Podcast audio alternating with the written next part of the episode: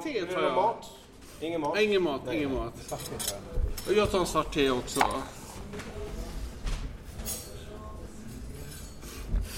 Ja, Claes här han anklagar mig eh, i likhet med min hustru för mordförsök. Ja, men du cyklar ju inte på ett sätt som är värdigt ska jag säga. Alltså jag kommer gående Riddargatan, korsning Grev Turegatan och då kommer du i otrolig fart. Och väldigt, nu är du väldigt tjusigt klädd men det är du ju inte på cykel. Alltså det kan man inte säga. Nej, jag har lite kamouflerat mig själv när jag cyklar för att det är så kallt. Ehm, Ja, det måste vara kallt också när man får upp en sån här fart som du får. Eh, Men det är ju inte halt nu i varje fall. Eh, nej, nej det, ja, det kommer bli... Det, alltså så här inne i, på Östermalm så har ju inte frusit till, men det håller på att frysa till ute i, i orten. Du... Grodan idag, säsongsavslutning, micken är trasig. Ja, men jag ska hålla i micken på ett speciellt sätt så att det här störande ljudet som var förra gången inte ska uppstå. Eh, så att eh, vi hoppas på det helt enkelt. Vad störande ljud, ska det vara tyst då hela podden eller? Var. Oj, vad vi... Alltså, det är så jävla roliga. Du, eh, jag vet inte var jag ska börja. Jag har lite olika intryck här från senaste veckan. Ja, jag ska berätta mitt intryck från senaste veckan. Ja, det tycker jag. eh, Kör igång här. Låt- Det är att jag har varit nästan sjuk hela tiden. Så jävla tråkig senaste veckan. Missat massa roliga grejer. Eh, som är Är det co- coviden? Nej, det vet jag inte om det är faktiskt. Jag tror bara jag har varit... Men jag har varit liksom jätteförkyld. Nu har vi handlat två riktigt tråkiga ämnen. Nu kan inte du gå in och liksom eh, visa vad Ja, men jag, jag var på, eh, på konsert i lördags. På Miriam Bryant. Känner du till henne? Oh, jag älskar henne. Oh, ja. Faktiskt på riktigt. Ja, men eh, det var ju fantastiskt eh, kul. Det var ju i Berwaldhallen. Och... Eh, nej, men det var första gången jag var där. Har du varit där? I Berwaldhallen? Ja, det, det kanske du dit för det här Augustpriset. Var det där? Nej, jag har inte... De brukar dela ut det i Berwaldhallen. Jag, jag har varit i Berwaldhallen många gånger och jag håller ju den som en av Stockholms flottaste byggnader faktiskt. Ja, nej, men jag har ju varit ganska många i Konserthuset eh, och jag var ju lite intresserad av Stockholms tråkigaste byggnader. Ja, nej, men alltså, ärligt talat, den var jättefin och man såg ju också att eh, tidsandan när man byggde Berwaldhallen, den var liksom... Det måste ju varit någon gång i slutet på 60-talet, början på 70-talet när Sverige... Sverige hade pengar helt enkelt. Ja, men Sverige har... Ja, alltså, det, det- det finns ju var mer pengar. Nej, det var inte gratis att bygga den. Man har sprängt ner den i berget och eh, man kommer in och sen ser det... Det är en väldigt demokratisk byggnad på det sättet att alla ser bra, alla hör bra eh, och liksom, det är väldigt vad ska jag säga, naket på något sätt. Vi satt ju då på första raden på, på, eh, på konserten och då är det ju symfoniorkester och sen så kommer då Miriam Bryant in. Och det, det går inte att göra någon sån här vad ska jag säga, elegant sorti, eh, entré eller så, utan man eh, travar liksom in på, på, på scenen och börjar sjunga. Och då sitter vi då som sitter längre vi sitter en och en halv meter från henne. Det är ju, man kommer ju nästan lite läskigt nära. Vilken är din favoritsång? Jag måste säga att för övrigt, jag älskar ju den här idén med så att populärkultur och symfoniorkestrar. En del tycker att det är vulgärt, jag tillhör inte den typen. Nej, men alltså det var ju fruktansvärt bra. Nej, men alltså, vem orkar lyssna på någon symfoni med Brahms eh, som är under 70 år? Det är ju ytterst få människor som gör det tyvärr. Och jag vet att några av våra eh, lyssnare är nu oh, huckbara till här. Men mer, allt behöver inte vara ABBA, men det här var jättebra. Och man såg också i de orkestern hur roligt de tyckte det var att spela. Det var, fanns en, en glädje, en entusiasm och det var liksom... Även Thomas Ledin har ju en sån här eh, turné runt om i landet nu där han spelar eh, med en symfoniorkester. Och det gjordes ju en sån fin med Ted Gärdestads låtar i efterhand. Okej, okej. Vad Han heter ju någonting, vet han Peter någonting som gör det där eh, riktigt bra.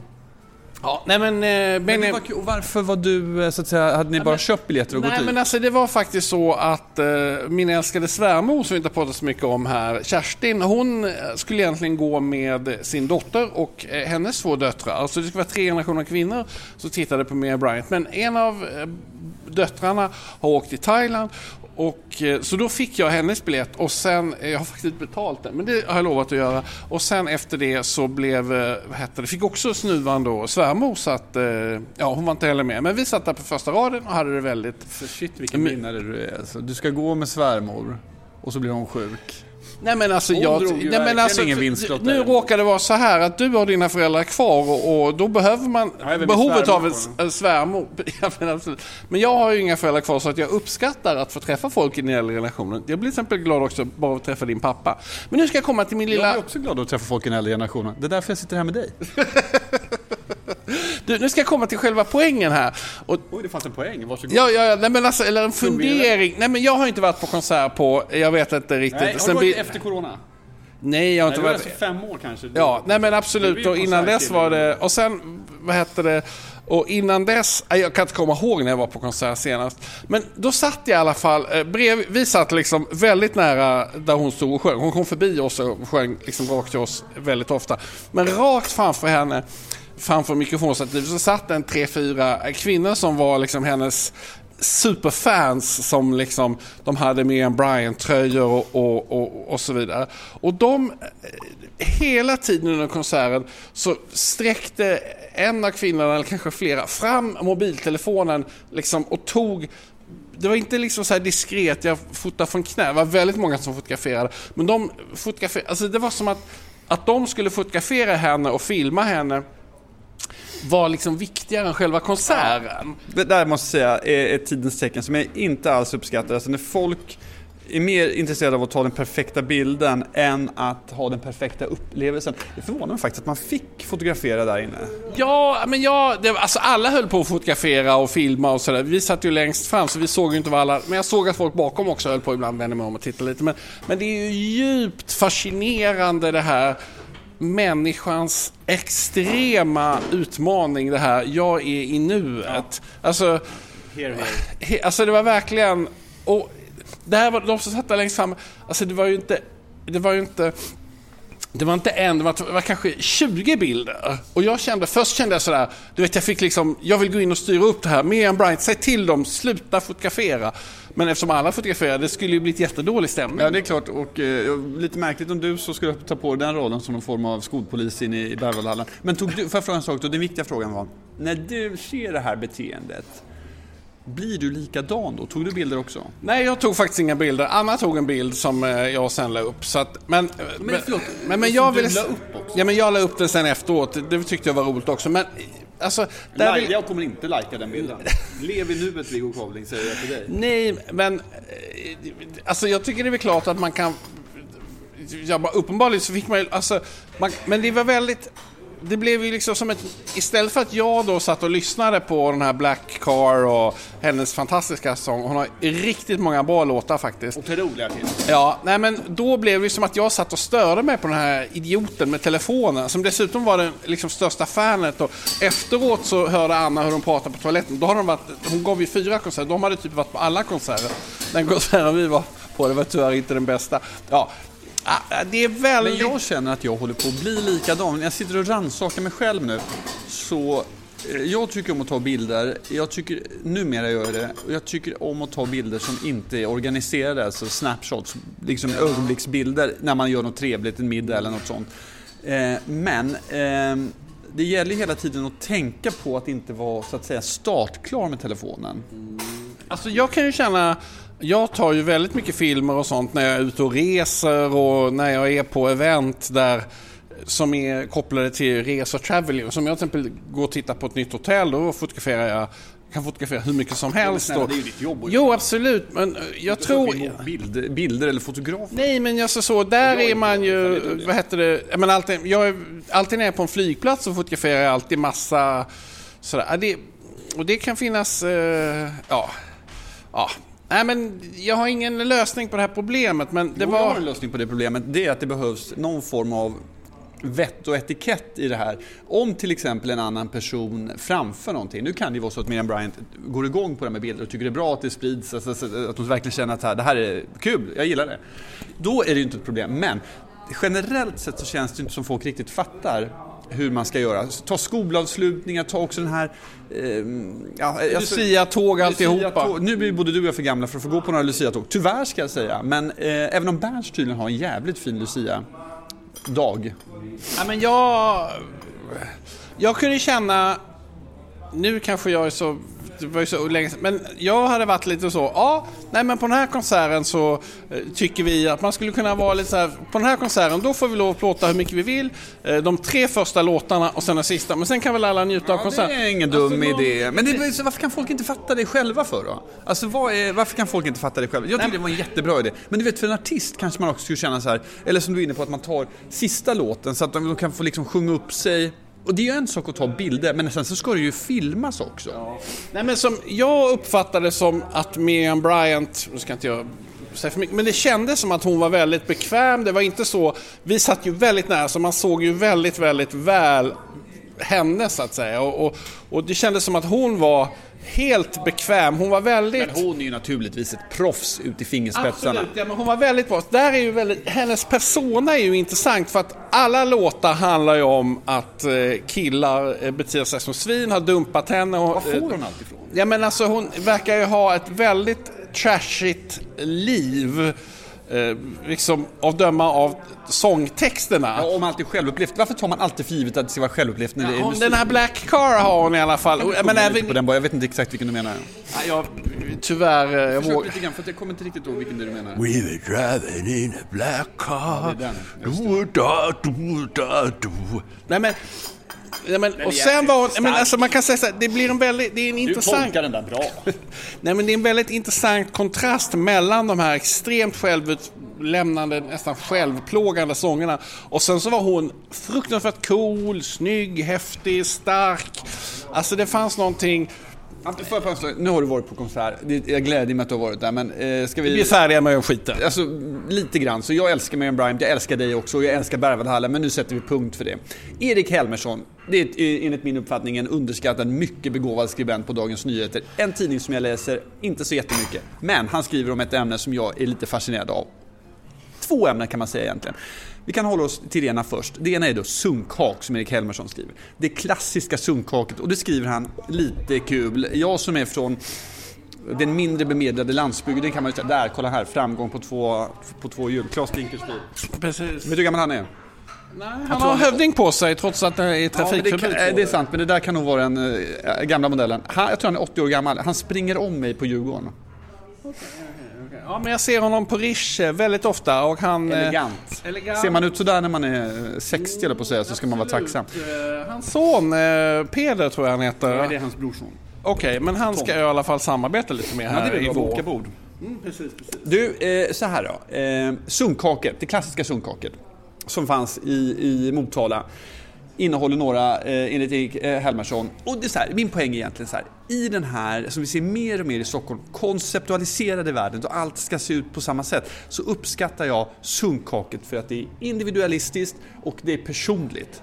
Det finns någonting i det som inte eh, liksom låter gallerier eller eh, fastighetsutvecklare, eh, de rår liksom inte på det klassiska sunkhaket. En rolig poäng i Helmerssons text är att man vet att man är på ett sunkak också. Det ska finnas gärna Jack Vegas-maskiner, eh, man kan tänka sig hur det ser ut, men man är aldrig äldst. Det tycker jag var roligt skrivet. Och i min värld så är det klassiska sunkhaket, som tyvärr tror jag inte finns längre, bryggeriet i Motala. Kommer du ihåg att vi har haft mycket kul där? Jag har inget minne att jag någonsin varit i Jag har Motala. ingen som har varit på bryggeriet, man har något minne därifrån. Men alla har haft lika kul där. där det var liksom det klassiska sunkhaket när jag växte upp i Motala och eh, jag vet inte hur länge det fanns kvar. Men det är precis det Erik Helmersson skriver. När, när, när Resumé flyttade från Gamla Brogatan, som för övrigt ha- hade åtminstone massa bra sunkhak, till Birger så kommer jag ihåg att reportrarna var ju jävligt sura över att det inte fanns några bra sunkhak på på Östermalm tills de hittade Arsenalen på Arsenalsgatan. Nota bene gamla Arsenalen. Nu är det ju något eh, nytt. Nu är det fina det fint. Då kallas det för Arslet, det gör det inte längre. Eh, men det var ett, ett bra sunkak. Man kan nästan säga att eh, P.O. Company är ett sunkak. Det Ja, jag nej, men PA och kompani det är liksom ett sunkak för Östermalmare. Jag är ju, tyvärr så tycker jag ju att Erik Helmersson är en ytterst medioker skribent. Och det är ju för att han, alltså han skriver där på ledarsidan och han har fått den här rollen. Alltså jag, jag tycker ju att modern de moderna ledarsidorna är liksom förkastliga. Jag tycker att en ledarsida ska ta upp den politiska samhällsutvecklingen i världen. Inte hålla på och dutta om eh, sunkak och... Alltså det är någon slags allmänt Ja, men det tyckande. gäller ju, och det jag tycker, kultursidorna också. Det vill säga, Ja, nej, men jag- allt annat än politik och, eller kultur. Ja, men jag tycker kultursidorna är ändå, där är de fria fåglarna, svävar lite fritt. Alltså det här allmänna krönikörandet, alltså Ja, jag vet inte, jag är helt mot detta. Och jag tror du- en lösning är, problemet med dem är ju att de har för mycket plats i tidningen. De, de, det är för många människor anställda, man skulle bara cut out. Och sen kan man ha fristående skribenter istället som skriver, som Hanne Kjöller som skrev idag eh, som ett litet avslöjande reportage om eh, någon sinnessjuk eh, eh, vårdcentral där de håller på och eh, lurar folk och den är, då i Karolinskas lokaler. Alltså någon som på något sätt gör, som gör alltså någon någonting. som kom, Men- alltså där hon också har ett perspektiv utifrån. Erik Helmersson, han vaknar på morgonen, läser Dagens Nyheter, läser Svenska Dagbladet. Sen så cyklar han till jobbet. Så sitter han där inne på en kontor och på Dagens Nyheter när jag var där, då var det ju den, den enda delen redaktionen som inte hade några fönster, som har noll kontakt med omvärlden. Satt bara och pratade med varandra hela dagarna. hur och skrev och sen så gick, cyklade han hem och sen går han då kanske i sin katolska kyrka ibland. Men alltså vad vet han om livet? Ingenting. Hur gärna jag än skulle fortsätta Sunkkakan, kasta- han vet gärna- ingenting om sunkak heller. Han vet inte hur det är att sitta och spela på en Jack Vegas-maskin. Han har säkert varit på sunkak. Han går dit ibland och kåserar lite. Men han vet inte hur man spelar på en Jack tagit, Vegas-maskin. eh, Har du tagit Viagra eller? Det är väldigt få har kommit igång idag. Ja, men alltså jag tycker... Du lever ju alltså, nej, men alltså jag, jag tror ett, stort, ett, stort, ett stort problem med ledarsidorna, det är ju vi som ytterst få människor då, vi som läser tidningen. Du läser den i papper och jag läser den i pdf-form. Det är ju liksom att man om man läser först första sidan och så kommer man igång lite grann och sen så är det de här ledarsidorna och då sitter man och funderar på vem av de här orkar jag läsa? Och de är som du då, gamla ordförande i Ja, ta det jävligt lugnt. Ta det jävligt lugnt nu innan du går över den gränsen. Du, då vill jag fråga dig istället. Alltså, det- är människor- det är människor på litrucker. Släpp mikrofonen. Jag, vill här, jag skulle gärna fortsätta Viggo, att kasta sten på Dagens Nyheter. Men här, jag har varit sjuk en vecka, jag ska inte säga att jag känner mig skör, för nu känner jag mig helt plötsligt jävligt stark.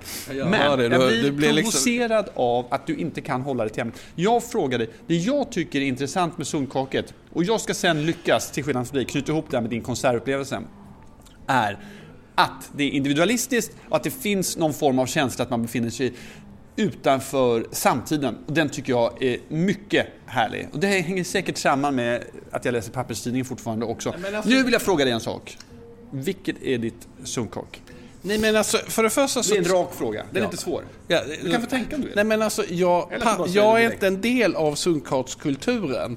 Jag är kanske, ibland besöker jag eh, enklare... Exakt, och rest- vilken är enklare- det? Nej men alltså jag tycker inte om att äta på enkla restauranger för maten är dålig, gästerna luktar illa och de här Jack Vegas-maskinerna, det är ett fruktansvärt sätt för staten att dra in eh, pengar från folk eh, som har svarta inkomster. Det är väldigt sorgligt. Men jag bodde ju tidigare på vad heter det, Hornsgatan och eh, ibland när café var stängt eller det var fullt på café så gick vi på eh, vad heter det, Dovas och eh, där fanns flera stycken olika. Som där, man blir ju väldigt man blir liksom upplyft när man, åh två glas vin, ja 60 kronor, ja men, eh, men har vad kostar det andra svaret glaset? På, där har du svaret på varför man går på ett sunkak. Man går för fan inte dit för att äta. Nej, men alltså jag går betalar hellre 60 kronor för ett glas vin eller 90 kronor som man gör på Rish. Och Men det här är inte en sitter- binär fråga. Det, det, det är ju liksom från gång till annan. Olika situationer, vad man känner för. Inte, Jo, ibland går man dit, men jag känner mig inte delaktig i den kulturen för att eh, liksom... Du har gått på konsert och, så helt, och satt på en kavaj och så helt plötsligt är det liksom Flotte Viktor som sitter och pratar. Du är för fin för att gå på ett vanligt sunkak. Du kan inte säga Nej, jag är inte för fin för att gå- jo, men- I princip vad du säger är att det där är inte för mig. Det är, det är vad du säger. Okej, okej. Ja, men det är det, det jag menade. Och jag, det är inte för dig heller. Du går dit och Erik Helmersson, ni går dit som någon slags, oj, nu har jag lite turist i verkligheten här. Jag går dit och tittar och, oj, här var en apparat som det blinkar, undrar vad det är. Alltså Jack Vegas. Jag ja. är från den verkligheten. Jo, jag är från den verkligheten. Och jag går inte alls dit som en turist i verkligheten. Absolut inte. Okej, okej, okej. Du, du skulle... jag sa, nej det jag sa också så här, jag uppskattar av den, det jag inte uppskattar om vi börjar där, jag uppskattar inte kedjor. Nej, det- har framgått och... Ja, eh, exakt. Och och det är det jag tycker är bra med sunkak. Jag skulle till exempel inte gå till, vad heter de här... O'Learys exakt! som är ett konceptualiserat sunkak. Eh, totalt ointresserad av det. Däremot så skriver Erik Helmersson. Jag tror ut- faktiskt att grundaren av podden, eh, O'Learys, han lyssnar på den. Eh, eh, Reynolds. Nej, Han fick sluta och det är Harald Mix nu som äger det. Och eh, jag tror att det är Franzén som ska fixa, han ska fixa till maten där men det är hemligt. De är väldigt sura när man säger det så därför älskar jag att säga det. Så här skriver Erik Helmersson, utmärkt skribent. Nej, så fort, så fort något... Nej, så fort... Ja, meningarna stakar sig. Han själv, vilken medioker skribent. Nej, Nej, Nästa gång den ska läsas upp, någon som har förberett sig också. Kör på nu va. Ska du prata med mig om att förbereda? Ska du, prata med, ska du komma in och prata om det? Så här, så så här. Eh, Sundkakan ställer ner sin sida halvunga människors oförmåga att låta någonting vara ett ting i sig. Nej, så fort någonting är måste det upptäckas, spridas, analyseras, vägas och kastas ut på Instagram med ett enda syfte. Att posta den genom att lyfta, i det här fallet sundkaket, svålar sig, ska framstå som för mer än någon annan. Min eh, tolkning av den sista, sin kompis i det här fallet. Och det här är exakt samma sak som du pratade om när det gäller din konsert. Man gör de här sakerna, vi har ett behov av med kamerans hjälp att förpacka det och sen tala om det är på det här sättet det är och sen sprida det och sätta den bilden. Vi kan inte låta en konsert vara, en restaurang vara eller någonting, någonting vara utan vi måste få in det i någon box, gärna med en hashtag, gärna med en emoji. Det är på det här sättet det är. Vi håller på att bli eh, samtidsautister allihopa. Nu ska jag snyta mig så du kan hålla mikrofonen. Du, jag känner för att... att... Mm, ja, ni hör här. Han är lite förkyld fortfarande. Du, eh, jag tänkte vi skulle prata om den här skribenten som är lite otrevlig. Jag har tänkt lite mer på honom. Jag tänkte, vi ska inte nämna honom med namn, men alla som lyssnar på podden vet ju vem vi tänker på. Ja, det finns ju många skribenter du har sågat ner under det här. Vi? Det är inte ett år. Nej, det är det inte. Det var i våras någon gång.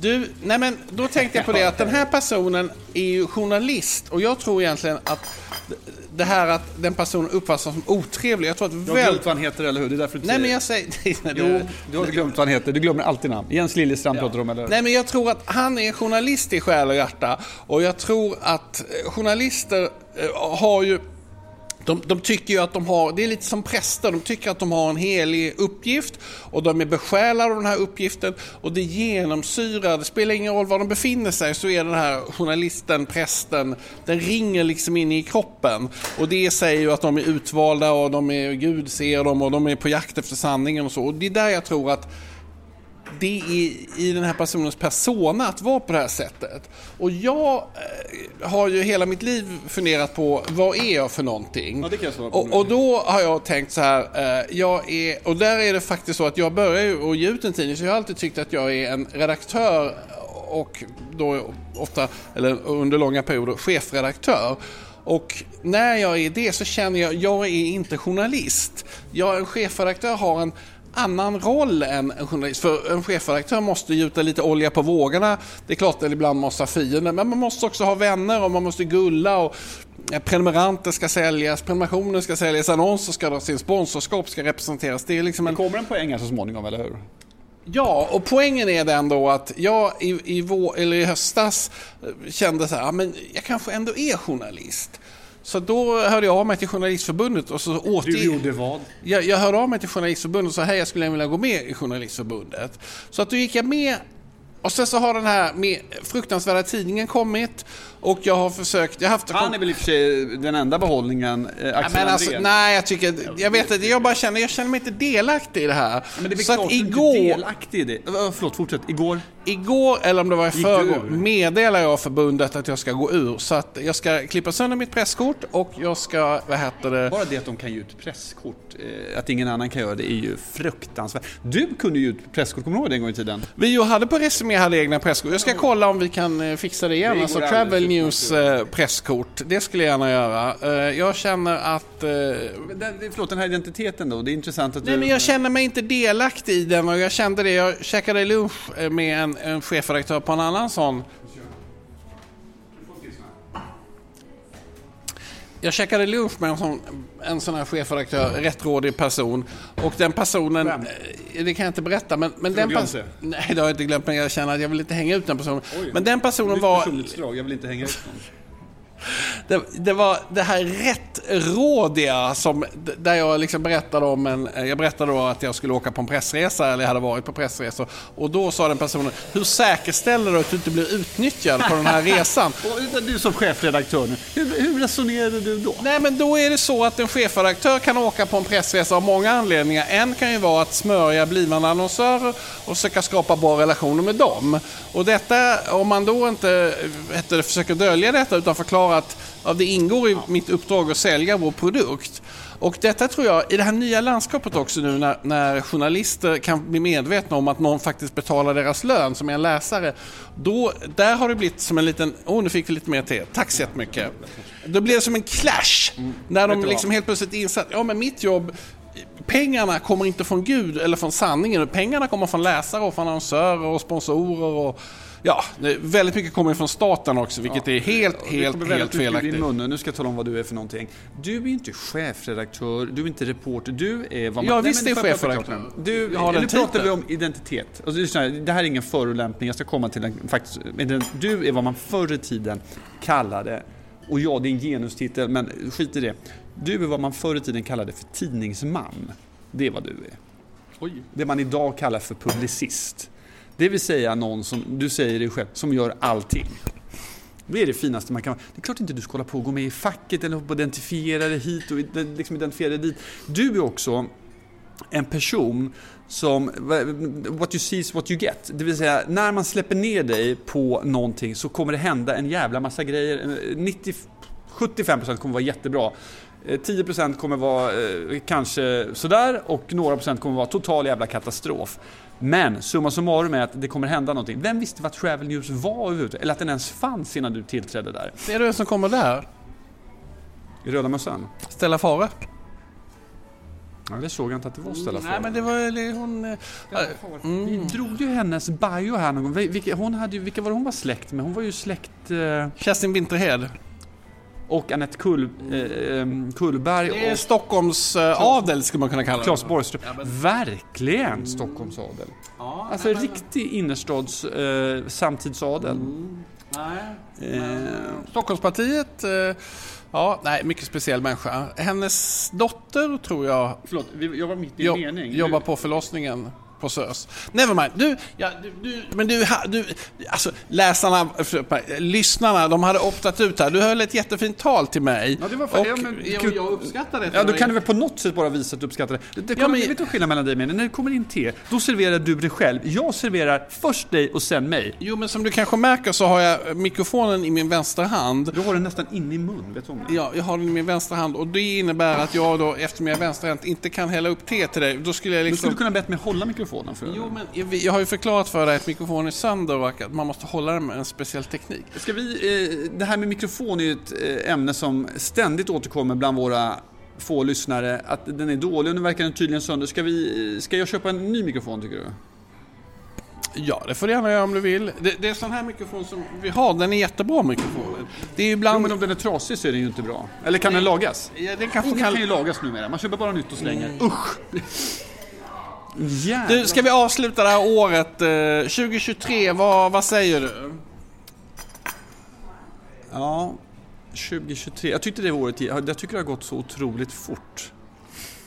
2023 eh, tycker jag för min del har gått jättefort. Det är två saker som för mig personligen som jag kommer eh, liksom aldrig glömma med det här året. Det är massa saker men två saker. Det ena är min, vår resa till Ecuador som var helt fantastisk och som jag känner ett land som jag snart ska komma tillbaka till. Och det andra var mitt boksläpp. Det är alltid speciellt när man släpper böcker. Det har också eh, påverkat hösten lite grann. Det är rätt skönt att eh, det är klart nu på något sätt. Men du kommer ju med en ny bok här snart, eller är det hemligt fortfarande? Ja, men det kan vi prata om band sen årsskiftet. Det kan vi prata om när den har kommit. Men eh, ja, det, summa summarum så tycker jag det verkar som... Roman 4 fick väl ett eh, liv eh, Får man säga att den fick det liv den förtjänar eller har det liv den förtjänar eller skulle den ha ett bättre liv tycker du? Nej men jag, precis, jag tror att eh, du har helt rätt i det. Eh, det tycker jag. Nej men det var ju, det jag, känns ju som att du, du fick liksom lite lite hårda ord men också varma ord. Och, Ja, jag skulle säga jag har inte fått några riktigt hårda ord. Alltså jag har ju Nej. fått hårda ord förut. Jag Ja, känner igen nej. hårda ord när jag ser dem. Eh, jag tycker inte jag har fått några hårda ord. Men, men sen, sen så, eh, som Nej, men, säger, det jag säga, du, du, liksom lite beska ord Ja, kan man väl säga. ljumna skulle jag lite, säga. lite ljumna och så, så lite varma och lite passionerade. Det känns som att du har ju lyckats med det som jag inte har lyckats med hittills, men jag, försök, jag ska ju försöka nu igen. Men, men det var ju, vet, Denise Rudberg, hon sa ju till mig när jag skrev min första bok, så fort du har skrivit klart din första bok så måste du börja på din nästa bok. Ja, och, sen, tyvärr var ju, hon var ju inte framme då när jag skrev klart den andra och sa nu så ska du skriva klart den tredje. Men, men eh, jag har ju skrivit på kontrakt här nu med eh, vad heter det, världens bästa bokagent. Så att, eh, jag har ju sagt att jag ska skriva 100 böcker till honom. Mm, det är en klassisk eh, Viggo Kavling-ambition. Jag tycker så här, apropå böcker, jag blev lite ledsen när jag läste. Jag blev både ledsen och glad. Victor Malm på Expressen skrev eh, en jättefin artikel när han kom hem från förlossningen och läste en bok. Nu har jag glömt bort vad boken hette och vad författaren hette också. Men poängen var då att ingen, det är så många böcker som släpps som ingen skriver om överhuvudtaget. Så när du säger meningen, har det fått det liv det förtjänar? Ja, det har fått ett liv. Det vill säga någon har läst det, någon har skrivit om det, eller några har skrivit om det. Jag har fått några jättefina brev och jag har fått faktiskt folk som har kommit fram på stan. Det har nästan gjort mig gladast. Och, eh, eh, sagt fina saker om det. Tänk de som gör den här ansträngningen. Jag skiter i om det blir bra eller dåligt, men de gör ansträngningen, någon ger ut den och ingenting så att säga händer. Kanske får friends and family som läser den och säger någonting, men ingen, liksom, som du säger, det blir inget liv av det. Det är ju så otroligt sorgligt. Eh, både att se och eh, om man skulle vara i den situationen. Där får man vara väldigt, väldigt ödmjuk. Hur har ditt 2023 varit? Nej, men jag tycker att det har varit jättespännande. Vi, den stora händelsen har ju varit det här att vi har flyttat ut i det här radhuset och bor nu eh, Eh, tillsammans med... Det bor ju en massa indier i huset som är väldigt eh, trevliga. Nej, men det känns jättekul att vara i huset och elda. Och nu så ska vi vara eh, hemma hela julen och nyår och jag ska då skriva på min nya bok som jag då... Jag ska ju skriva 100 böcker så att det gäller ju verkligen att sätta igång snabbt här. När du säger att du ska skriva 100 böcker, kan du inte bara för, för lyssnarna tala om, det är ju inte, hur långa ska de här böckerna vara? De ska vara 40, 400 000 tecken ska de vara. Vad ska du skriva? Du ska alltså skriva 100 romaner? 10, nej men 10 000, Novellaktigt. nej, 10 000 tecken per kapitel så ska det vara 40 kapitel. Ja, då stämmer ju den ekvationen Viggo. Men förlåt, och du ska skriva 100 böcker, det är, till när då? Ja, jag vet inte riktigt men jag har ju fått eh, en ny... inte att du har fått förskott nu på 100 böcker. Ta det jävligt lugnt. Vad jag skulle säga? Nej men jag har ju börjat intressera mig för de här Grimwalker och de skriver en bok i månaden och jag har ju min farbror, han skrev ju också en bok i månaden. Jag skulle Så säga det, du har ju det där i blodet. Berätta han hann med att skriva 60 böcker och... Men Eh, förlåt, han har med, och du, du har skrivit två va? Jag har skrivit två och det är... Eller som man ska vara noga och säga, det är två som har getts ut, annars har du ju skrivit några till. Ja, men jag har skrivit lite, någon bok om gondolen och någon bok om hur man säljer sin lägenhet och lite sånt också. Men jag har skrivit två romaner och jag ska nu skriva, mitt mål är nu att skriva hundra stycken. Och... Eh, Målet har framgått, det har du varit tydlig med. När, du, hur gammal är du nu? Förlåt? Ja, nej, men jag tänkte försöka, jag ska börja skriva, vad heter det, två om året och sen så kanske... När Två om året ska du skriva. Mm, Och, och sen- tecken, och då ska du skriva Ja, men två om året. Ja, men, skriva men om du tänker att man... 400 000 tecken i kvartalet. Nej, i halvåret, förlåt. Inte Men sen när jag eh, blir pensionär eh, efter 75, då tänkte jag då kan jag spruta på något så Då oerhört. kan du köra på ja. Din farbror som skrev... såna Han skrev då böcker, 60 böcker och det... Det har också framgått. När slutade han skriva? När la Men han pennan? dog ju... Eh, Mitt i en mening kan man säga. Ja, jag vet inte om det var mitt i en mening, men han, han var ju alkoholist. Så att han fick ju då antabus av sin hustru och då skrev han en bok på kanske en månad eller Har du två. läst alla? Eh, Nej, jag bara läst hans självbiografi. Någon har jag, men självbiografin är fruktansvärt bra. Fruktansvärt bra. Han är väldigt, eh, oerhört entertaining. Vad är det som är så bra med den? Nej, men han, han börjar berätta, eh, han börjar till exempel berätta om en historia. Då berättar han om sin, när han gick på korsskola, alltså han gick på internatskola. Min pappa gick på samma där. Och då var det så att eh, han Eh, det fanns en, en, en eh, väldigt känd slager och då fick han den slagen och då skrev han om slagen så att det blev en nidvisa om en lärare. Och då eh, och så började alla sjunga den på, på skolan. Det låter som en blandning mellan Ondskan och Anderssonskans Kalle.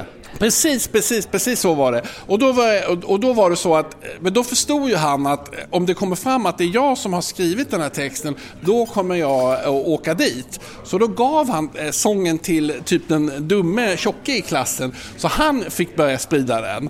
Och då... Jättesympatisk historia. Ja, precis. Och då efter ett tag då så blev ju rektorn och, och läraren helt vansinniga på den här sången. Och man, vem har då skrivit den, vem har hittat på det här? Och då, Kavling! Det är då, då Kavling! hittar man den här tjocka killen och eh, han fick då eh, eh, vad heter det? Ja, han hade då eh, manuset i sin hand så att det, var liksom, det kom från honom. Och då eh, kallas han upp till rektorn och då var det liksom Vi vet att du som har skrivit den här men, men den, den, den, den dumme killen han liksom Så du, eh, nu måste du eh, Om inte du erkänner då, Ja. måste, då får han sluta skolan. Eh, Så att du måste erkänna annars får han sluta. Men då sa han ju, men varför ska jag erkänna? Då- Då får ju jag sluta. Eh, Och, och eftersom ni är övertygade om att det är jag som är den skyldiga så kan ju inte han få sluta heller.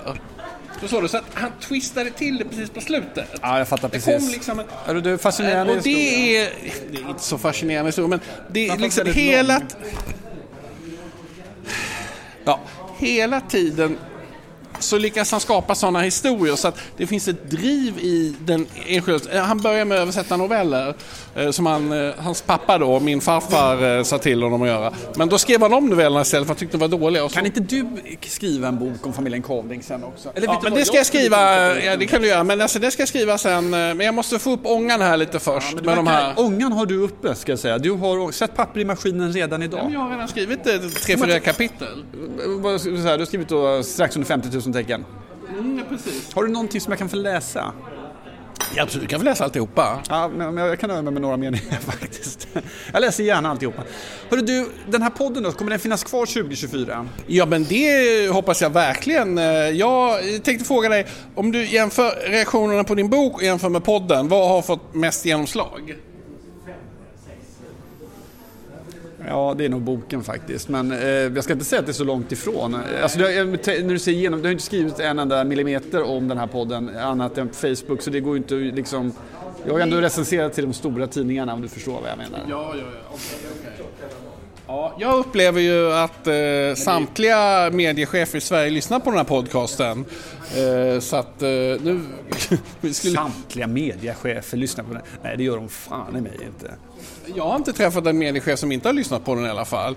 Vad heter det? Stefan Lundell, han eh, hörde av sig direkt efter podden förra gången och, och började prata då om, eh, eh, undrade om jag var socialdemokrat. Och då Vad tänkte jag, så, tänkte jag svara på, nej jag har gått över till SD. Du kommer ju gå över till SD, du är på väg. Du är ju fri, du är rörelse kan man säga. Jag Ja. tror och för sig då, som du vet, att SD och S regerar efter nästa val. Ja, jag tror att det blir svårt. Eh, Det blir Ja, det bli samma åsikter men kulturskillnaderna, eh, där, där finns det en utmaning. Vilka kulturskillnader? Ja, det är liksom världens mest självgoda parti och världens mest hatiska parti. Eh, Och det hatiska partiet hatar det självgoda partiet. Och det självgoda partiet hatar det hatiska partiet. Fyra bokstäver, börjar på M. Makt. Det kan ena även de mest oense bröder. Eh, vi fortsätter alltså den här podden eh, och eh, eh, kommer vi, jag eh, tänkte på, vi kanske ska klämma in ett litet, om eh, andan faller på, ett litet extrainsatt avsnitt innan nyår. Vi kan väl se om vi, eh, om vi efter julhelgerna känner oss manade till det. Eller så kan vi inte göra det, det vet man inte, men vi ska vara hemma bägge två. Men då vill vi önska alla läsare en riktigt god jul. Framförallt Eller, lyssnare. Framförallt lyssnare. Men även läsare. Ja, nej men jag har ju snubblat ibland på Kan orden. vi, alltså det gör du? Det har inte jag tänkt på. Så kan vi inte bara, kan vi inte bara transkribera podden så vi skriver ut den till, till, till så vi även får läsare. Det vore kul att se det i text. Titta här, eleganten i eh, mössan. Vet du vad han heter? Nej, Han heter samma sak som en av våra, eh, tyvärr då, framlidna kulturpersonligheter. Björn Nilsson. Kristoffer Barnekow. Okej, är det sant? Driver Barnabys, auktionssajten. Okej, okej. Jag känner ju den gamle Kristoffer Ja, Barnekow och jag, jag känner han, eh, vad heter det, och hans eh, fina hustru Hanne och hans son eh, Mattias. Alla de är nära vänner till mig sedan Malmötiden. Det är intressant med de här som har samma namn.